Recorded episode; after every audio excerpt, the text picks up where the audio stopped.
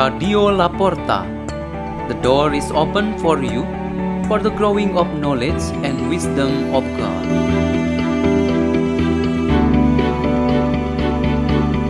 By the La Porta collaboration, led by Peter Tukan, priest of the Salesians of Don Bosco.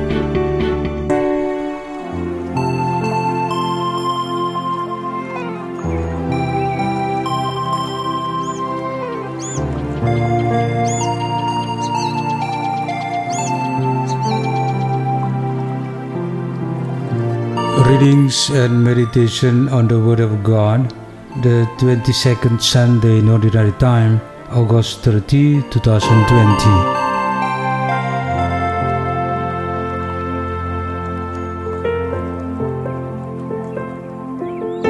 The reading is taken from the book of the prophet Jeremiah. You duped me, O Lord, and I let myself be duped. You were too strong for me, and you triumphed. All the day I'm an object of laughter. Everyone mocks me. Whenever I speak, I must cry out. Violent and outrage is my message.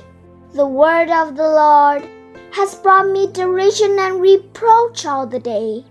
I say to myself, I will not mention him. I will speak in his name no more. But then it becomes like fire burning in my heart, imprisoned in my bones.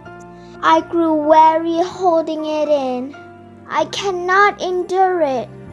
The word of the Lord.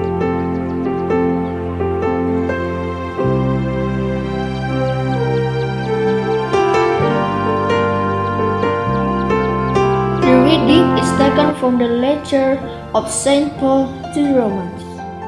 I urge you, brothers and sisters, by the merits of God, to offer your bodies as a living sacrifice, holy and pleasing to God, your spiritual worship.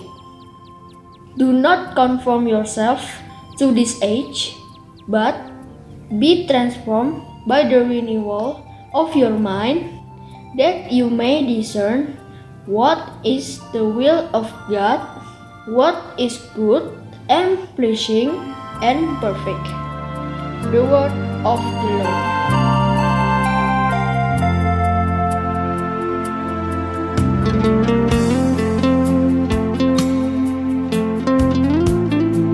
Gospel of Jesus Christ according to Matthew chapter 16 verse 21 to 27. Jesus began to show his disciples that he must go to Jerusalem and suffer greatly from the elders, the chief priests, and the scribes, and be killed, and on the third day be raised.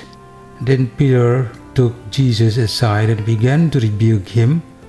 God forbid, Lord, no such thing shall ever happen to you.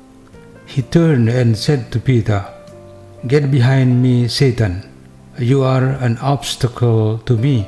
You are thinking not as gods does, but as human beings do. Then Jesus said to his disciples, Whoever wishes to come after me must deny himself, take up his cross, and follow me. For whoever wishes to save his life will lose it, but whoever loses his life for my sake will find it. What profit would there be for one to gain the whole world and forfeit his life? Or what can one give in exchange for his life? For the Son of Man will come with his angels in his Father's glory, and then he will repay all according to his conduct. Gospel of the Lord.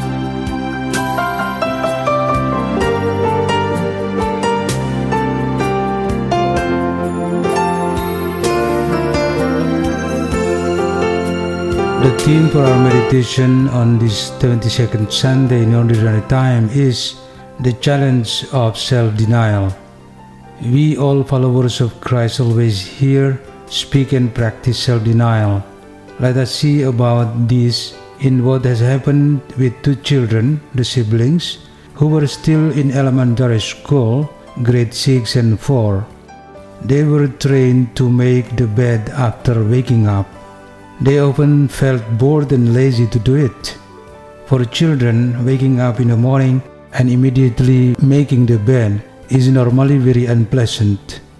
However, parents patiently and diligently guided the two children to overcome boredom and laziness. The older boy also motivated his sister that they kept making their beds, and when this became already a good habit, they were no longer bored and lazy. Any attempts to overcome boredom and laziness and consistency in their implementations are some examples of self denial.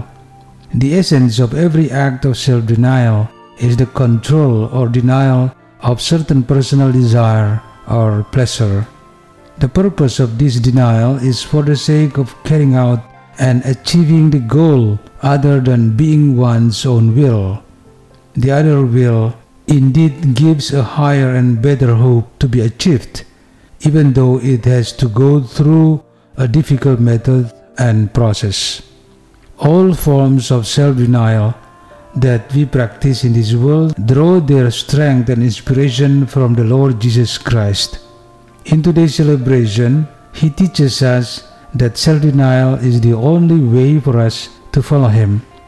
The way of Jesus is the way of the cross, and we are required to be able to carry the cross for each one of us so that we will be in line with and in the company with Jesus Christ. The cross is a sign of trouble and suffering that we need to enjoy and endure. We can't deny and throw it away. The prophet Jeremiah explained that we should practice self denial by overcoming temptation to ignore and deny God's word. When we hear the striking and demanding word, we should not avoid it. St. Paul also teaches us to practice self denial by offering up our bodies and not just our souls and spirits. Our bodies cannot be prisons for our spirits and souls. When our bodies are tired and sick, we cannot pray and serve on behalf of God. If our eyes, ears, and touch are not functioning properly, they can cause us to fall into sin. The fact is clear that we are still not stable and consistent in the practice of self denial in order to become true disciples of Jesus. All forms of sacrifice or self denial are the challenge for us. We have to live with it and there is no turning back. Let's pray. In the name of the Father, and of the Son, and of the Holy Spirit. Amen. O Lord, through today's celebration, may we become more and more united with the cross of your Son. Help us to be always faithful to you. Our Father who art in heaven, hallowed be thy name. Thy kingdom come, thy will be done on earth as it is in heaven. Give us this day our daily bread and forgive us our trespasses, as we forgive those who trespass against us. And lead us not into temptation, but deliver us from evil. Amen. In the name of the Father, and of the Son, and of the Holy Spirit. Amen. Radio La Porta. The door is open for you.